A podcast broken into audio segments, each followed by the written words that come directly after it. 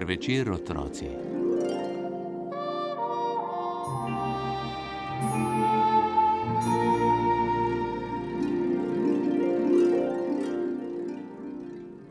Pred davnimi časi je v neki pravljici živel princ, ki je bil popolnoma tak, kot se za pravličnega princa spodobi.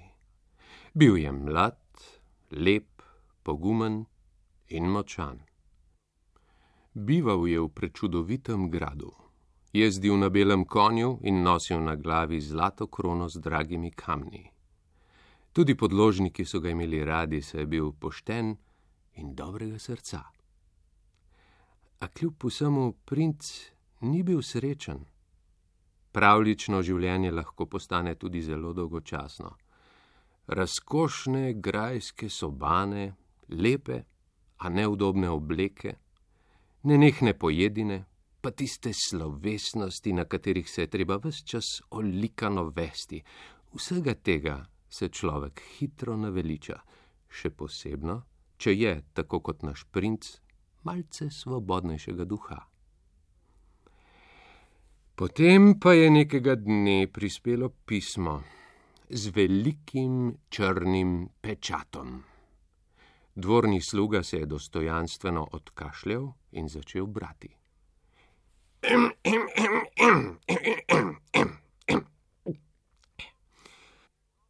Njegovemu spoštovanemu veličanstvu, princu Richardu 38. zdolgočasenemu, prvorojencu in prestolonasledniku njegovega veličanstva kralja Richarda 37. zaspanega, vladarja celotne južne in spodnje četrtine vzhodne dežele. Spoštljivo si jih drznemo nadlegovati. Stop, stop, stop. Koga si drznejo nadlegovati? je vprašal princ, ki je bil modernejše vrste in ni dal veliko na starinske vljudnosti pri izražanju. Vas veličanstvo, vidite, običaji zahtevajo, da se v diplomatskih pismih, kot je tole vladarji in princi naslavljajo v tretji osebi. To pomeni, da kadar pišejo o njih, mislijo vas. Aha, kako butasto in popolnoma nerazumljivo, pa še dolgočasno po vrhu. Beri dalje, ampak brez teh kolobocij. Se bom potrudil, vaše veličanstvo, torej.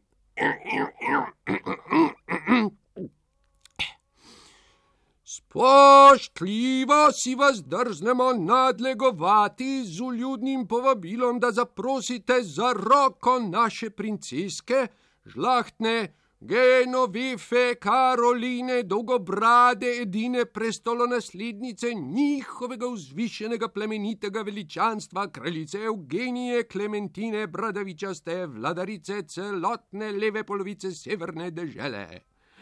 Z največjo vljudnostjo in upanjem na čim prejšnji odgovor vas lepo pozdravljajo njihovo vzvišeno plemenito veličanstvo kraljica Eugenija Klementina Bradavičasta, vladarica celotne leve polovice severne dežele.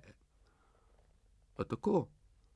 Princ je zamišljeno nekajkrat pokimal z glavo, na to pa le vprašal: Kaj pa vse to pravzaprav pomeni? Kraljica Eugenija Bradevičasta želi, da bi se poročili z njeno hčerko Genovefo Dolgobrado, je pojasnil dvorni sluga.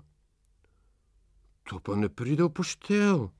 Ne mislim se ženiti z nobeno princesko, sploh pa ne z bradato, da bi potem moral plačevati za frizerja in še za brivca. Nak, nič ne bo.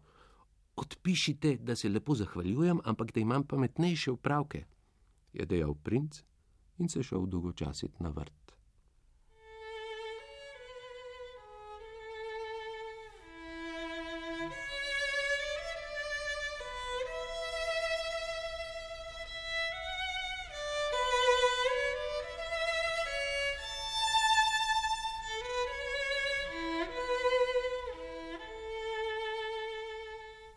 Dvorni sluga je pisarju narekoval pismo, v katerem je z izbranimi besedami izrazil prinčevo voljo.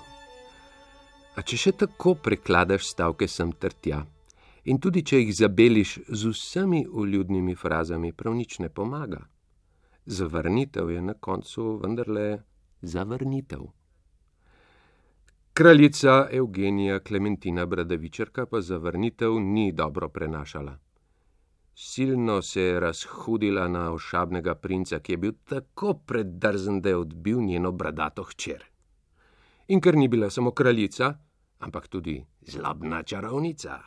To pa so pri naštevanju njenih nazivov navadno modro izpuščali, se je odločila za strašno maščevanje. Princa bo spremenila v žabo. Brž je potegnila na plan svojo čarovniško palico, z njo zakrožila po zraku in izrekla čarobne besede. Hokus pokus, rega kvak, princ res pravi je bedak. Če ne dišim v moje hči, naj se v žabca spremeni, naj odslej reglja in kvaka, naj grad njegov postane mlaka.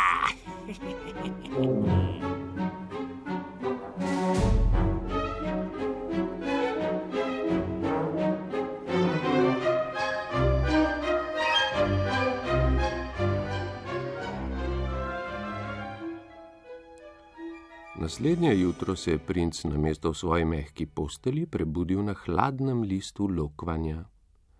Odprl je oči in na mesto poslikanega stropa svoje sobane ugledal modro nebo z belimi oblački.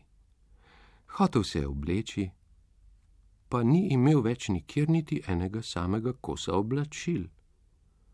Poklical je slugo, a iz njegovega grla je prišlo le: Rega, rega, kvak. Čudno. Previdno se je nagnil čez rob lokvanja, da bi se pogledal v ogledalu jezerske površine. Uzrl je zaobljen trup, velika usta, okrogle oči in plavalno kožico med prsti na rokah in nogah, ki pravzaprav sploh niso bile več roke in noge, temveč kraki. Pokazal je tej podobi jezik, da bi se prepričal, ali gre res za njegov odsev.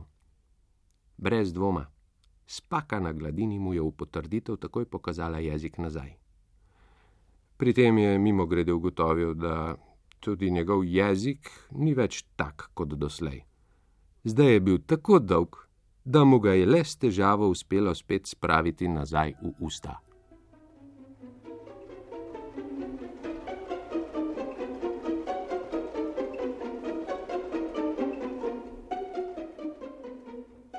Princ je ob spoznanju, da se je spremenil v čisto pravega žabca, najprej za trenutek onemel. Potem se je z visokim žabim skokom pognal visoko v zrak, naredil dvojni salto in zavriskal oziroma zakvakal od veselja. Nič več dolgočasnih in nezanimivih tvornih slovesnosti, nič več zoprnih plesov v zapetih oblekah, nič več bedastega bontona, zdaj lahko končno počne karkoli hoče. Ves presrečen se je pognal v vodo in v elegantnem prsnem slogu odplaval svobodnemu življenju naproti.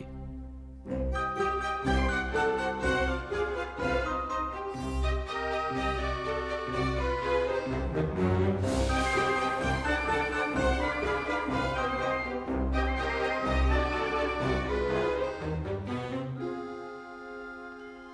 tistega dne princ zadovoljno živi v svojem jezeru. Skače, reglja in kvaka po mili volji, se potaplja, valja v blatu, sonči na lokvanjih in je popolnoma zadovoljen. Samo princesk se na vso moč izogiba.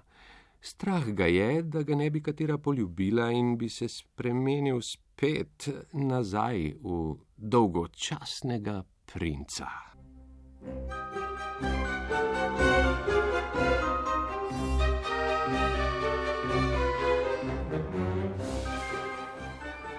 Pred potovanjem v sanje vam ponujamo le še tri čarobne besede: lahko noč, otroci.